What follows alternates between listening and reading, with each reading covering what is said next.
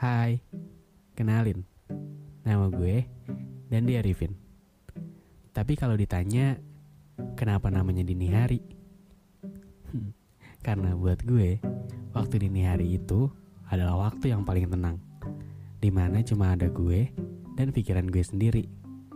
Dan juga di mana gue bisa lebih banyak ngobrol sama diri sendiri. Lewat podcast ini, gue mau ngajak kalian buat gak lagi ngerasa sendiri. Jadi selamat datang di saluran dini hari.